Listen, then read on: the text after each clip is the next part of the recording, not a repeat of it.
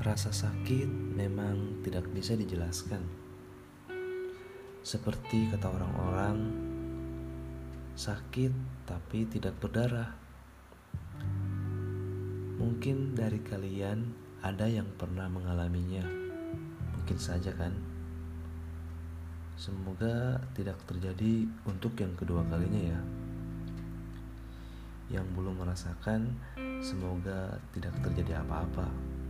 Ya, kita berdoa saja semoga tidak apa-apa ya.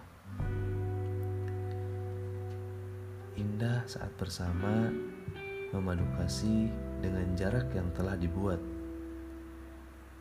Jarak yang menciptakan rindu, Jarak pula yang mengajarkanmu tentang kepercayaan, mengajarkanmu tentang komitmen, dan mendewasakanmu tentang kesetiaan.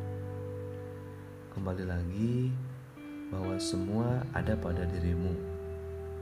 Telunjuk menjadi navigasi utama, hati ikut berbicara, dan pola pikir menjadi terbiasa.